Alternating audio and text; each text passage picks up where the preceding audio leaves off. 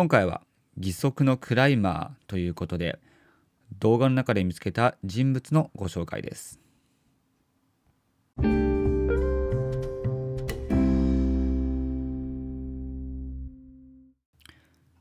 こんばんは。ヒロトのフラット独り言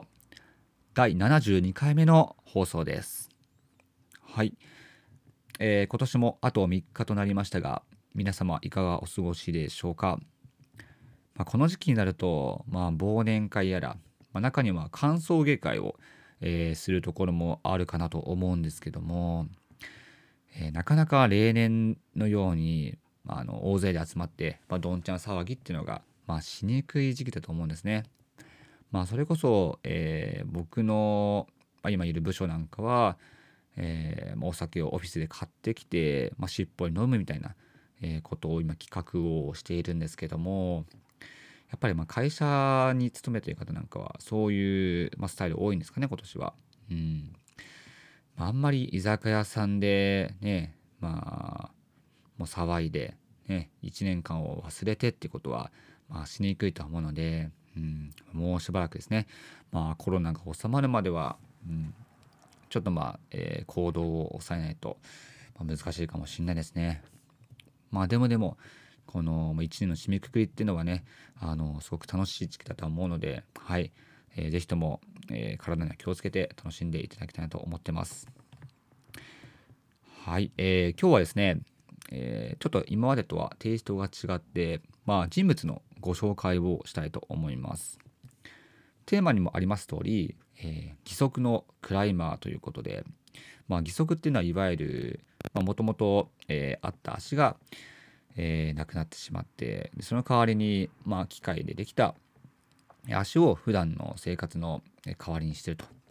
いうことで、まあ、いわゆるそのハンディキャップを持った方だと思うんですけども、まあ、今回はそんな義足の足を持った、えー、クライマー、ま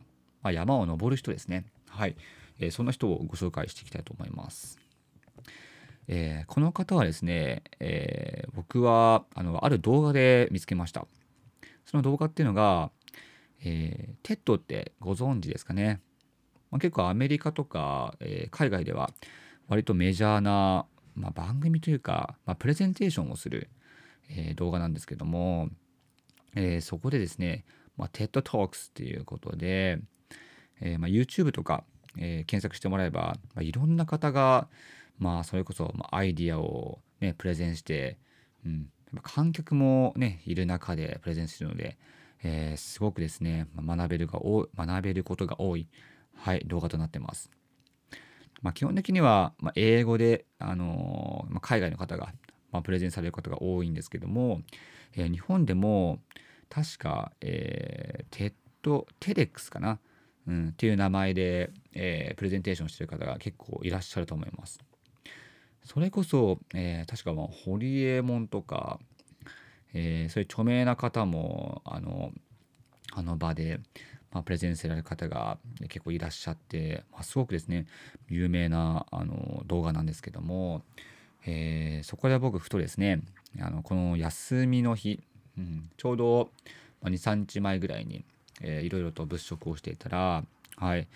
えー、今日のテーマにあります通り、まあ、義足のクライマーの方いらっしゃったんですね。でその人のお名前が、えー、ヒュー・ハーさんという方ではい。もうね結構もうダンディーな、まあ、おじさまなんですけども、うん。まあ、そのプレゼンを約15分間くらいかな、うん。まあ、僕は見まして、はい。まあ、英語でね正直、まあ、全てが聞き取れたわけじゃなかったんですけどもでもなんか、うん、すごく引き込まれた部分があったので本当に15分、まあ、聞き入ってしまったんですね。でその人が、えー、どういうことを話していたのかというと、えー、彼自身はですね本当もう両足がもうなくてもう義足なんですね。でその義足になってしまった理由というのも、えーまあ、彼はもともと登山家でしてその登山をしている時に、えー、おそらくまあ本当にもう気温が低い山に登ったんですかね。まあ、凍傷でえー、もう足の感覚がなくなって、まあ、壊死してしまったわけなんですけどももう両膝の、えー、膝から下をまあ、失ってしまったんですね。でその時にもう医師から二度と登山はできないということを、まあ、告げられてしまったみたいでまあすごく残酷ですよね。うん、やっぱり登山を、まあ、生きがいにしてる方からするともう山には登れないっていうことは、うんまあ、とてもじゃないけども受け入れがたい、まあ、真実だと思うんですけれども、えー、このヒューハーさんはですねそれを聞いていやそんなことあってたまるものかということで、まあ、地元の機械工場で、まあ、ゴムと金属そして木材を、えー、自分で調達してきてそれを、えー、組み合わせて、まあ、カスタマイズしてもう自分の力で義足を作り上げてしまったんですね。でその義足っていうのが、えーまあ、すごくですね、まあ、機能が素晴らしくて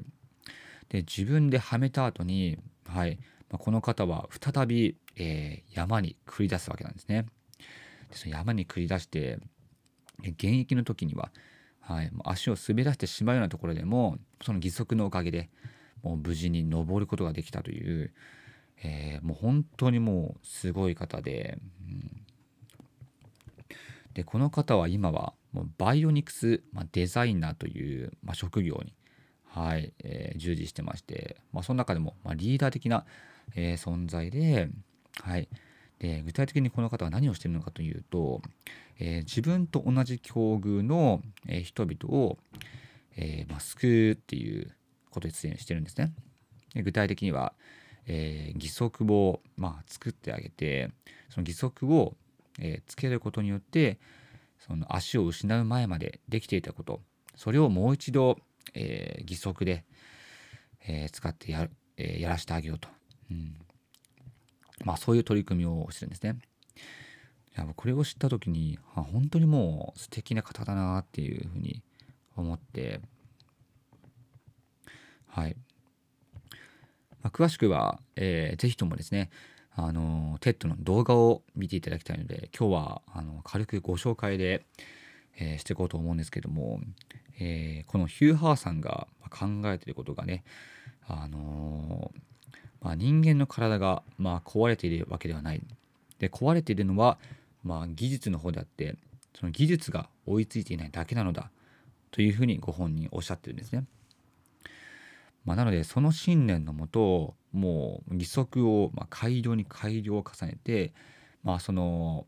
えー、その義足っていうのもそのその人その人に合ったものをま作り上げていくので、はい。まあ、本当にですねもうそのヒューハンさんの取り組みによってもう多くの方が、えー、例えばスポーツを、まあ、今までしている方でしたらそのスポーツに復帰できたりとか、うん、そういうことを登山家の方もいらっしゃって、えー、その義足をつけることで再び、ね、クライミングもできたりとか、うん、そういう本当の魔法使いのような、え、ことをしてるんですね。うんえー、むしろですねその、まあ、足を失う前以上にそのテクノロジーの、まあ、力によって、まあ、自分のスポーツ能力を、まあ、向上させたというふうにも言っていて、うん、もう、まあ、機械を機械としてじゃなくてもう機械と神経をあのもう一体化させる。あたかも自分の足のように、えー、感じさせる、えー、そんな、えー、すごい、まあ、ことをされてるんですね。はい、で、まあ、これをやったことによってもうヒューハーさん自身はですねバイオニクスの分野に非常に可能性を感じていてでバイオニクスは人々をより強く速くする、まあ、そんなことも言ってるんですね。でこの、まあ、 TED Talk では、えー、他のそのヒューハーさんの動画もあるんですけども毎回、えー、自分の義足を実際に使った、えー、人を紹介してその TEDに呼んでるんですね。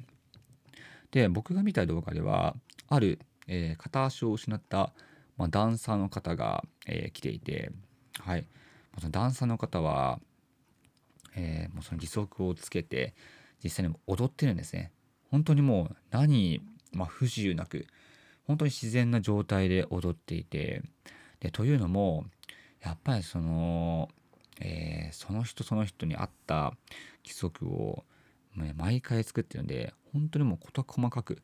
あの分析をしてるんですね。うんまあ、彼が言うにはまあ、体に残っている、まあ、神経の感覚を、まあ、機械と連動させるというふうに言っていて、えー、正直あの僕からしたら結構ちんぷんかんぷんだったんですけども、まあ、でもそれでもあの、まあ、機械と、えー、人間の、ね、本来備わってる、まあ、組織っていうのが、まあ、こうも一体化して、えーね、再び、えー、それまでできなかったことが、まあ、できるようになる。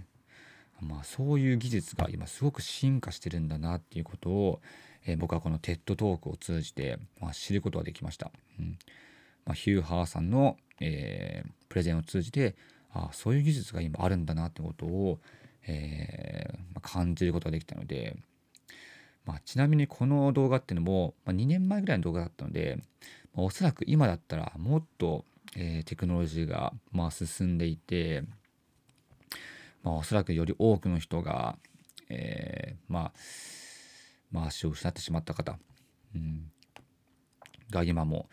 えー、自分でやりたかったことが、まあ、できてるんじゃないかと思うと、まあ、すごくですね、うんまあ、未来がある分野だなって思いました。うん、じゃあもっと思ったのは、えー、一般的にそのハンディキャップを持った方に対して、えーまあ、個人的なイメージなんですけども、まあ、世間的には、ま、すごく、ま、かわいそうとか大変そうとか、うん、結構ネガティブな言葉を、ま、持ちがちなのかなっていうふうに、ま、個人的には思っていてでもそんな一方で、えー、そういうハンディキャップを持った状態でもやむしろその状態を、ま、個性と捉えてより、え、以前よりも力強く生きる方が、まあ、すごくたくさんいるんだなってことを、えー、知ってですね、うん、やっぱりもう、まあ、5体満足、えー、もう手もあって足もあってちゃんと、まあ、鼻もついてて耳もついててっていう状態が、まあ、いかに恵まれていてやっぱそういう、まあ、環境にあるからこそ、うん、やっぱねもっと何ですかね、うん、感謝してもいいのかなってすごく思いました。うん、はい。もちろんねハンディキャップと持った人と、えー、普通のね5体満足の人で全く違いとかはないんですけども。はい。まあそんな、えーまあ、ヒュー・ハーさん、うん、彼自身がやっぱりそういう状態になったからこそ、うん。えーまあ、自分と同じ境遇の人を、まあ、助けたいという、えー、そういうね、まあ、素敵な、え、思いを持って、うん。まあ、彼は、まあ、義足をより発展させることに焦点を当てたわけなんですけども、うん、いやこれが本当にまあすごいなと思いました、うん、もう自分と同じように足を失った人がまたやりたいことに復帰できるようにまあ努めていく。まあそんなことなかなか、まあ、できないと思うんですね。もう自分のことで、まあ、手一杯になって、ね、普通だったらまあすると思うので本当にですねうん、まあ、素敵な方なと思って今日は、え、ご紹介をしてみました。はい。ちょっとね、中身を、あのー、本当にもう何回も何回も練って調べたわけではないので、ちょっとね、配信が、まあ、薄っぺらくなってしまったんですけれども、まあ、でもこれは、うん、この人はね、ちょ紹介したなと思ったので、はい。まあ、ぜひともですね、僕のこのラジオ配信の、えー、ね、動画のリンク貼っておきますので、もし、えー、聞いている方は、ぜひとも、えー、ご覧ください。はい。まあ、すごく勇気づけられると思います。まあ、内容自体は英語であるんですけども、まあ、日本語に翻訳も、えー、直すことができるので、はい、そこは、まあ、ご自身のやりやすいようにやってもらえたと思います。はい、えー、そんな感じで今日は、まあ、義足のクライマーということで、えー、バイオニクスデザイナーのヒュー・ハーさんをご紹介させていただきました。はい。いかがだったでしょうか？うん、本当にあの勇気づけ、勇気づけられる、えー、動画だと思うので、ぜひとも、えー、多くの人に見ていただきたいと思います。はい。えー、今日はこんな感じで終わりますので、また明日以降も元気に配信をしていきます。それでは、バイバイ。